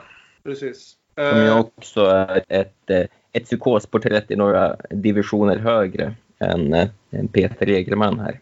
Ja, det är väl är det, är det tre filmer nu som verkligen har fokuserat, fyra filmer kanske beroende på hur vi ser Persona, som har fokuserat på liksom människor med diverse allvarligare mentala problem. Ansikte mot ansikte också då såklart. Men det är ju ganska freudskt att placera det sanna jaget i det undermedvetna och låta drömmar vara den bästa kontakt vi har med det undermedvetna. Var det här min faktiska kontakt med verkligheten? Ny textskylt, för nu tänker Peter begå självmord. Han bestämmer sig för. Så han står på en balkong och här, här blir jag lite, vad det, här har jag två konkurrerande tankar. Dels blir jag glad för Katarina ringer in en ny vän och det är en bra skådespelare som vi känner igen från Ormens ägg. Nämligen Heinz Bennent som var den onde doktorn som höll på med olika experiment. Mm. Men jag undrar också behovet av att ta in en ny karaktär här. Vi har ju ett par Ja. olika karaktärer som vi träffat tidigare i filmen. Antingen Mogens eller Tim eller någon så här. Och det blir konstigt att bara presentera ytterligare en person som bara är i den här scenen och inte fyller någon särskild roll sådär. Jag tror att det är för att visa att eh, Katarina inte vill ha någonting med Peter att göra. Och hade man lyft in Mogens så hade det verkat mycket mer förståeligt. Både för att han eh, är psykiater och filmiskt för att han är en karaktär i filmen. Men nu blir det som en markering att Katarina håller sig borta. Mm. Och jag gillar någonstans lite det här halvtaffliga, lätt patetiska självmordsförsöket där han står med liksom ena foten uppe på balkongkant men fryser samtidigt. Han tackar ja till erbjudandet om en, om en jacka och sen så går han in i stort sett direkt när han märker att någon annan människa är närvarande. Den här scenen är jobbig men jobbig tycker jag på lite mer rätt sätt. Den som kommer sen in i vardagsrummet. Man ändå och det kanske har att göra med det här att vi har en tredje karaktär i rummet som vi nästan kan se lite genom hans ögon. Precis hur jävliga de här människorna är med varandra på något sätt. För här tycker jag det vi funkar får också lite en bättre. namedrop här av eh, de har varit hos Johan och Marianne. Mm. De gamla bekanta. Ja, och det de spelar upp här är ju i princip en cover på grälet de har i avsnitt ett av Senare ut äktenskap. Ja, min anteckning är de spelar upp sin hatscen. Mm. De har repeterat den här många gånger. This is the trios, the trios. Uh, uh, repetition, repetition, repetition. Uh, Och det, det är väl därför den är bra igen. Liksom. Jag på att säga. Det var en bra Jag tycker den är gräslig. Det här, det här är nog det jag gillar sämst med hela filmen. Nej, vad kul! Släpp loss Staffan! Nej, men alltså i, i eh, Scener ut äktenskap då, då hamnar ju Johan och Marianne i, i skottelden och de är som hållna, hållna gisslan och de är levande sköldar när, när Peter och Katarina verkligen gör allt för att toppa varandras förolämpningar och hot och alla fyra i rummet där är, ja, är genuint hotade av situationen, även om det är ett gräl de har haft flera gånger. Men här så, så är det som en uttråkad bekant som lutar sig tillbaka och ser ut att kunna somna i soffan. Och det finns ingen som helst spänning. Och ja, och som tittare så när man, när man ser dem säga sina hemska saker, så här, vad, är, vad är det man ska frukta? För vi, vi, vi har ju redan sett Peter bli galen och eh, börja mörda. Det, det både som scen och framförallt som blek kopia av Scen ut äktenskap så tycker jag att den här verkligen sticker ut som ja, en av filmens allra svagaste stunder. Jag tyckte nästan det här blek kopia-temat att ja, det här går bara på rutin. Det är egentligen inget investerat i det här, hur hemskt de än säger. Tyckte jag ändå funkade lite. Ja, men jag är nog benägen att hålla med Staffan där. Det här med att vi plockar in den här vännen här som kommer från ingenstans och så förväntar vi oss att han ska spela någon som helst roll. Men efter att han då har varit uppe och gått ner för att hämta jackan så kunde han lika gärna ha gått igen. För det handlar bara om att de behöver någon att spela upp sitt gräl inför men han verkar ganska ointresserad faktiskt. Ja. Och sen efter ett, några minuter när de har spelat upp det här så bara driver de in i sovrummet och jag liksom ser framför mig hur han blir liksom sittande i deras vardagsrum hela natten och Han, bara han liksom drick, dricker upp deras konjak och funderar liksom, Ska jag gå eller ville de att jag skulle vara... Är han fortfarande självmordsbenägen? Är jag en god vän om jag lämnar honom här nu eller ska jag ta en konjak till? Han har en replik den här vännen som jag började fnissa lite åt. Det var inte det ögonblick jag nämnde tidigare men ändå. Som är att han när de börjar tjafsa verkligen säger åt Peter att håll käften nu Peter, du har redan haft din scen. Ja, man kan ändå förstå att, de, att det var honom de ringde in. Vi ringer en vän. ja, precis. Han verkar vara stabil i sådana här situationer. Ja, och nästan lite fjärde väggen-brytande. Ja. Men vi närmar oss slutet. Ja, de får en liten fin, vad som räknas som en försoningsscen i det här sammanhanget i sängkammaren. Också väldigt senare ut äktenskap. Där, de, där, där det blir så väldigt tydligt att det här är liksom 14 varvet runt. Och att Peter inte längre förlitar sig på det här. Alltså, där han tror att Katarina lägger ett värde i att den som ber om ursäkt först är den värdigare parten. I, och har vunnit grälet till någon, till någon, eh, i någon mån. Han inte längre tror på det här utan finner det själviskt och löjligt. Det, det, det fortsätter lite senare än innan. Liksom. Det, det är senare ut äktenskap igen och det var bättre där. Men det, det är habilt. Vi kan inte prata, vi använder bara ord som vapen. Vårt kärlekskapital är spenderat. Vi accepterade reglerna i ett spel vi inte är begåvade för. Bla bla. Jag dricker för att sätta mitt system ur funktion. Men just den här tomgången eh, de två emellan tyckte jag ändå fungerade som att visa tomgång. Jo, Hur men att spännande titta det är men Ja, och, och det är liksom, men jag, jag har letat efter ett bra ställe i den här filmen att stoppa in det här och jag måste säga, här, du kan ju haka på det där då Aron, att vi startade ju den här podden just för att snacka om att Bergman ändå var kul. Mm. Det är verkligen inte kul att se den här filmen någonstans tycker jag. Nej. Även att liksom rota fram intressanta saker ur den känns mer som en plikt. Och vi, jag vet att vi har roligare filmer framför oss och jag tycker fortfarande att hela det här projektet är roligt men den här filmen har jag fan inte roligt med en sekund. Nej, jag håller med. Det var är kanske den trögaste stunden som tittare hittills. Det kan det faktiskt vara. Alltså i och för sig, hade jag behövt överleva beröringen själv. Nu Ja. gjorde vi ju det genidraget att vi satt oss och drack öl och såg den tillsammans. Men beröringen var åtminstone intressant genom att den var så jävla bizarr. Den här är inte ens det liksom. Jag vet inte, jag har lite högre tolerans för det här att visa ingen utväg, inget händer. Björn tycker ju inte ens om film noir där varenda film handlar om samma sak. Så gör ju film noir där temat bättre. 99 fall av 100. Men, Väldigt många filmer gör det bättre. men det är ett tema som jag är väldigt svag för. Ja. Awaiting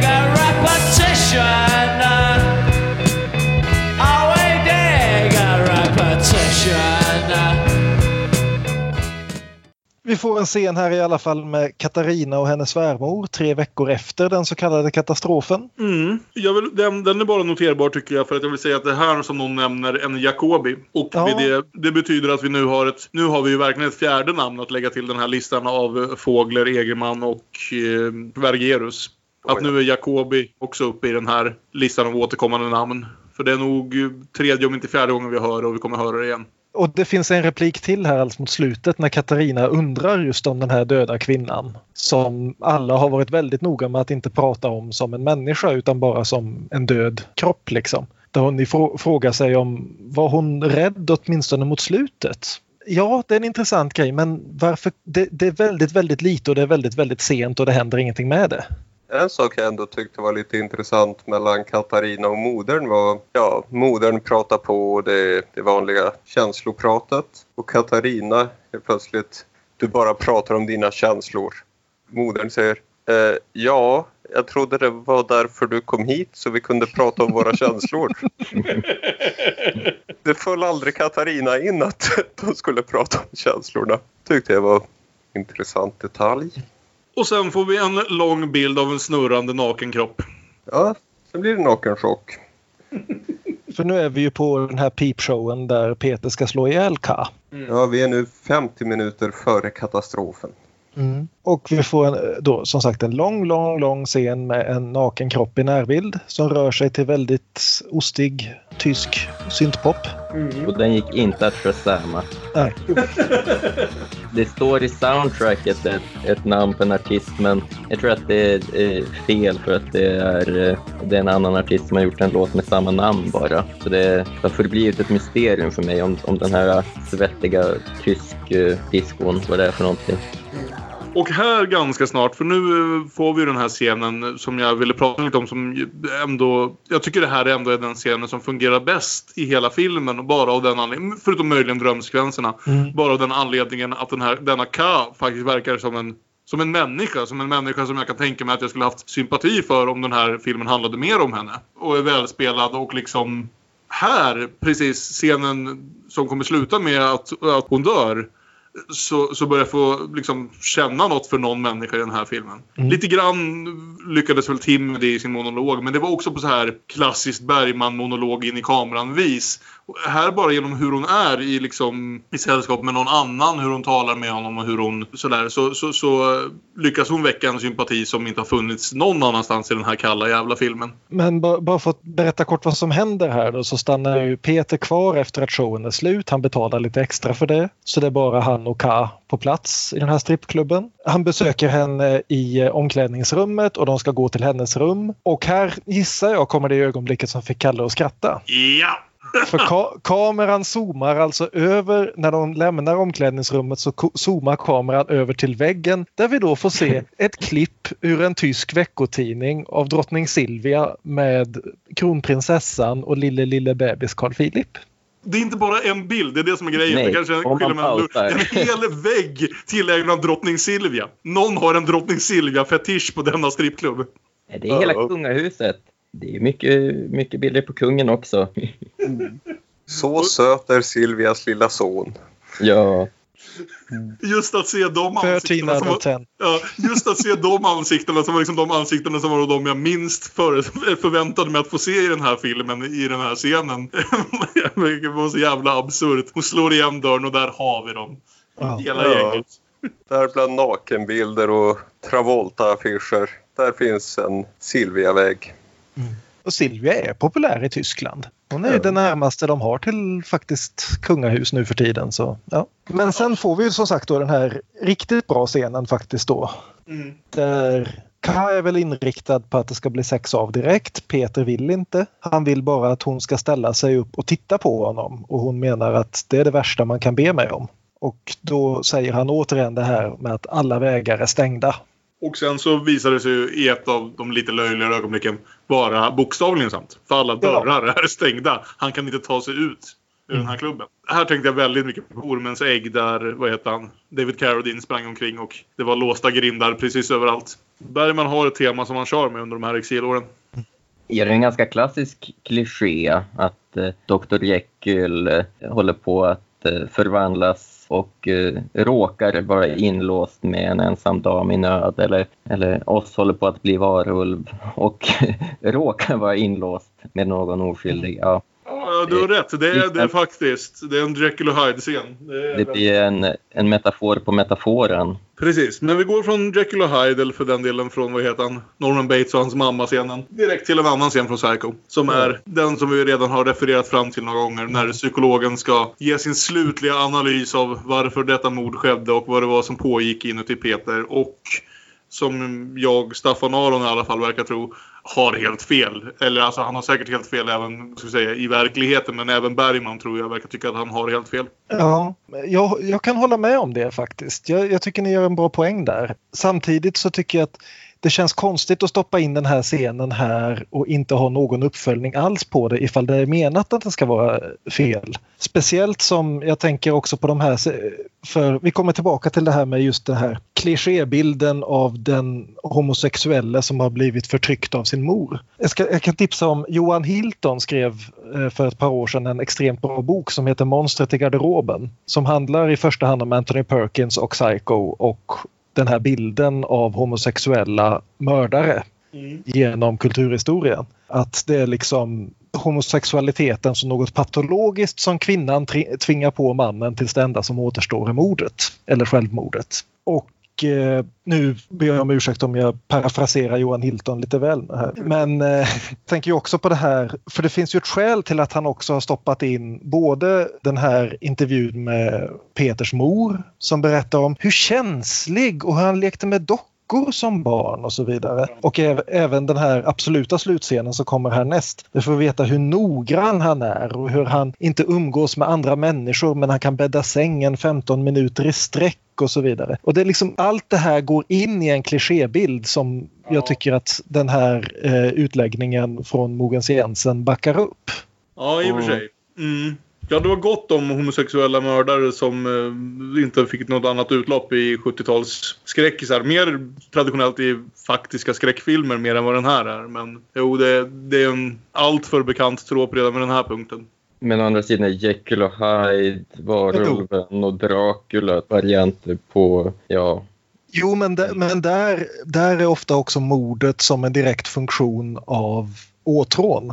mm, Peter ser vi ju här, han mördar ju medan han försöker att inte ha sex med den här kvinnan som vill ha sex med honom. mm. Mm.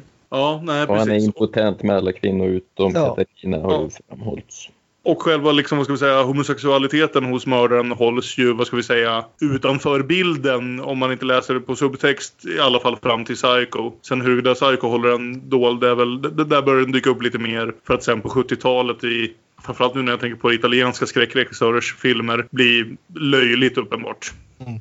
Tra- transsexuella och crossdressers och annat som mördar till hö- höger och vänster för att få utlopp för, för sin sj- sjukdom. Som de säkert såg det som då. Sen blir det färgen. Ja, Gud vad kul. Vi får en epilog. Ja. Som Björn redan har beskrivit egentligen. För det är här vi får se den... ja och det, har, har man sett Psycho så har man ju sett epilogen också i princip. Ja, jag såg, jag såg inte fejden till, till skelett, till mammans ansikte, men... men jo, det är väldigt bekant. Katarina, den Katarina som fortfarande lever, besöker Peter på, som nu är inlåst i sin cell och som sagt gillar att bädda sängen väldigt lång tid. Spelar extremt långa schackmatcher mot en dator. Vägrar ta kontakt med världen där ute, vare sig via nyhetstidningar eller vad heter det, tv eller radio. Bobby Fischer. Äh, Han var en schackspelare trots allt. Den enda likheten... schackspel i en Bergman-film är ju alltid overdetermined. Ja, och det, det skulle jag säga är den enda likheten med Jan Malmsjös Peter är att de spelar schack. Ja, just det. Just det. Och, och dessutom är det intressant att han spelar ju då schack med en dator sägs det. Mm. Och då inställer sig frågan, är datorn döden? Ja. Bergman sa också att eh, den här psykescenen baserades på hans egen psyketvistelse. Efter den här eh, skatteaffären så, så blev han ju lite knäckt. Blev inlagd. Fick så mycket Valium han ville ha. Gick mest runt och bäddade sängen. Ja, och det för oss fram till slutet av Ur marionetternas liv. En film som väl inte verkar ha engagerat någon av oss sådär nämnvärt. Men som vi ändå lyckades prata om en ganska bra stund. Ja, det gjorde vi så kort avsnitt i början. Men St- Staffan, Ja. i egenskap av legitimerad läkare, har du några åsikter om just Mogens Jensen som eh, yrkesman? Till Mogens försvar så är det ju tvångstankar extremt, extremt vanliga och eh, i sin natur är de ju ganska eh, obehagliga till, till sin karaktär. Sen, det, det som är lite underligt med Mogens är ju det här med att han mörkar för polisen och sen sitter han och, och jobbar på sitt, eh, sin stora fallbeskrivning mot slutet. Jag vet inte riktigt hur han, hur han tänkte där, men ja, han verkar köra sitt eget race, Mogens.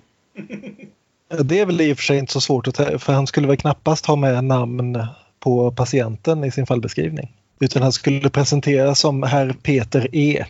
Ja, men det, det lär ju vara ett ganska omskrivet, eh, omskrivet mord vid det här laget.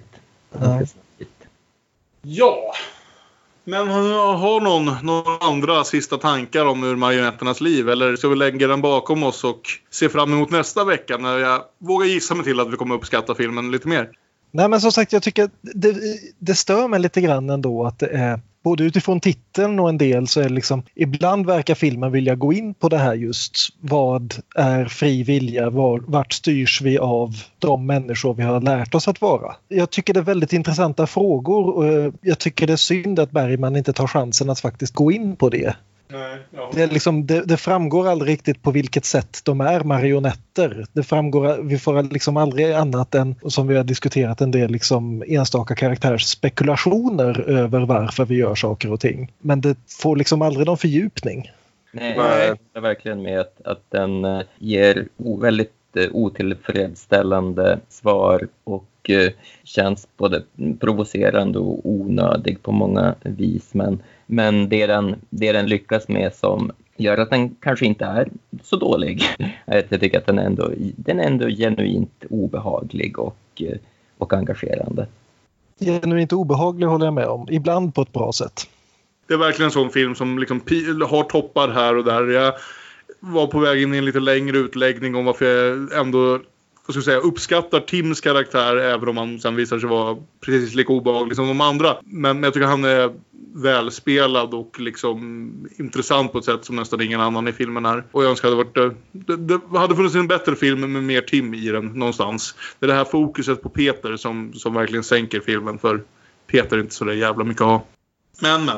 Jag ser fram emot nästa vecka nu väldigt mycket. Oh, ja. Ja men då så. Med det sagt om det så har det väl blivit dags att leka en omgång dubbelbull innan vi avslutar för veckan. Dubbelbull, dubbelspel, parhäst, filmfest. Ja, men vi kan väl börja hos vår gäst. Staffan, vad vill du rekommendera för film om man inte... Om, som man nu antingen ska kombinera med Ur mar- marionetternas liv eller som man kanske borde se istället för Ur marionetternas liv. Ja, det temat som kändes mest specifikt för, för filmen var ju det här med Peters obehagliga figur. Och jag tyckte det kändes väldigt bekant med en undergiven och obehaglig make som hade ihjäl sin fru. Men jag, jag kunde inte komma på vad.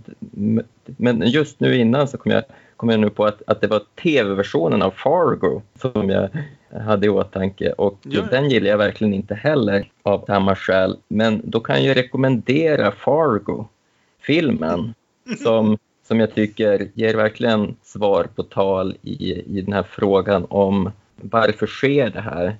Och jag tycker Fargo spelar ut det där med en, ett väldigt övertygande svar att ja, säg det. Folk Mm. Björn.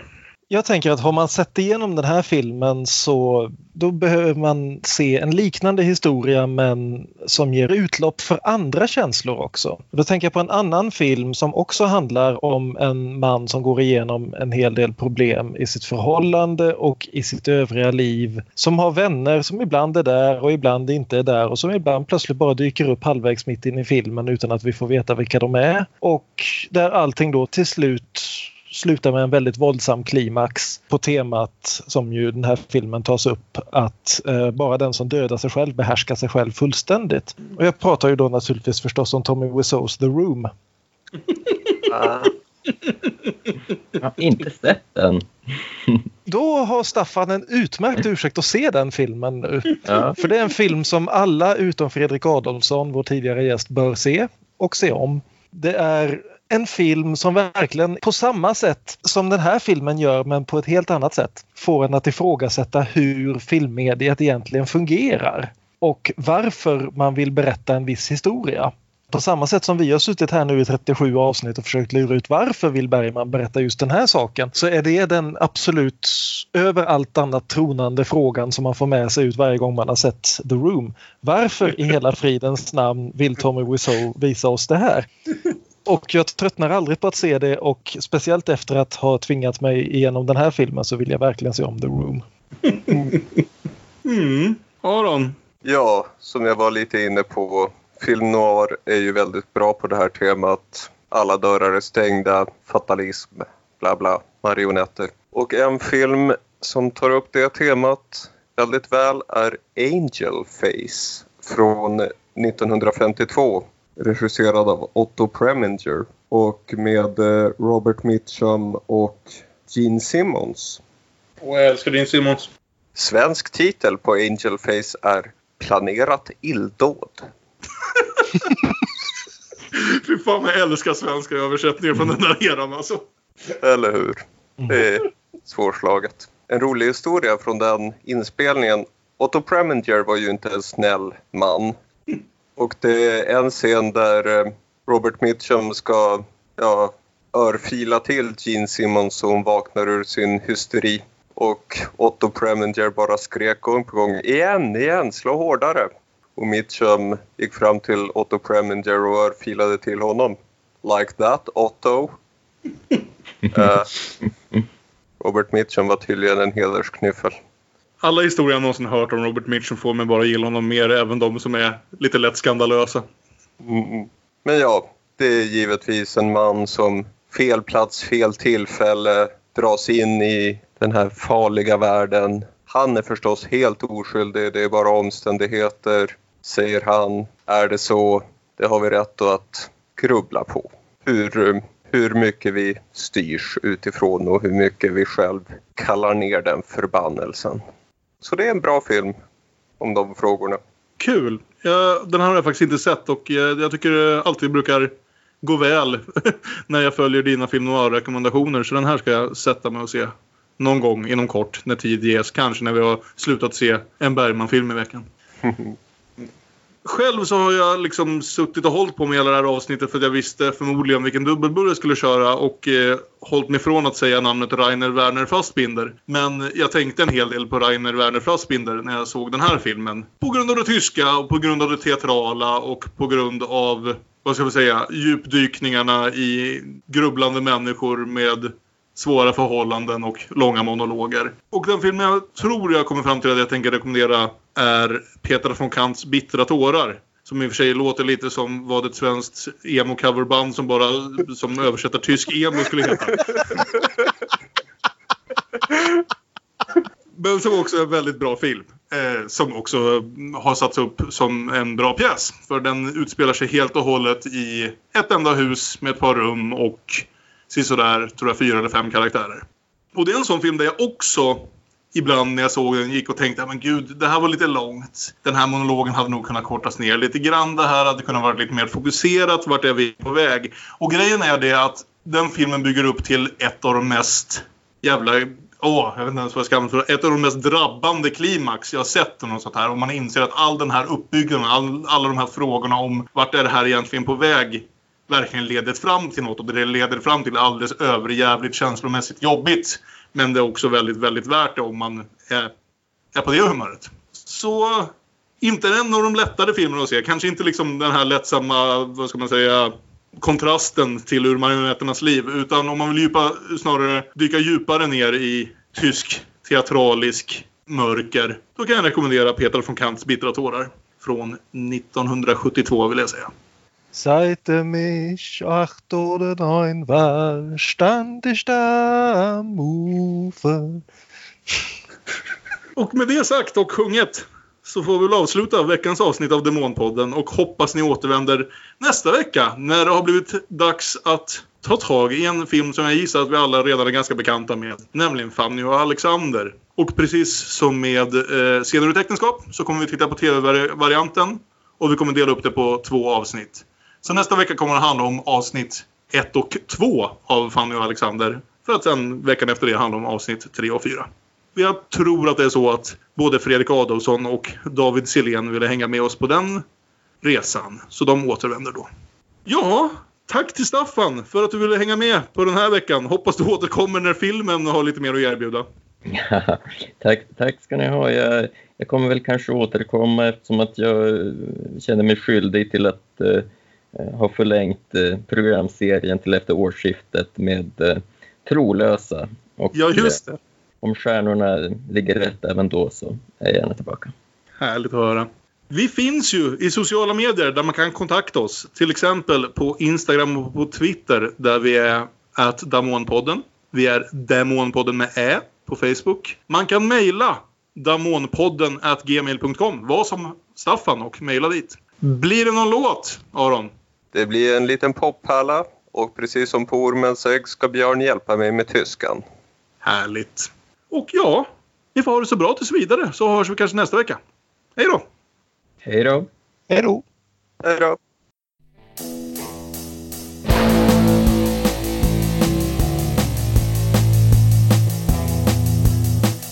Es gibt ein kosmisches Böse ohne jede Erklärung. Einen zielstrebigen Zwang ohne jede Orientierung. Und du bist Flugverräter, alle Wege sind verschlossen. Keine Möglichkeit sich zu retten, das Leben der Marionetten. Ganz Zeit von Zeit und Traum, ein unverhüllter Traum. Immer noch das kosmische Böse mit Tod und Not und Katastrophe. Alle Wege sind verschlossen und du bist Trampeter. Keine Möglichkeit, sich zu retten. Das Leben der Marionetten, ja. Och vi får Även nästan vet- klassa den som en mardröm bara så vi får använda jingeln för första gången på ett tag. Mardröm. Så låter den inte. Okej, okej, ni lägger på den sen. Jag förstår, jag förstår. Ja.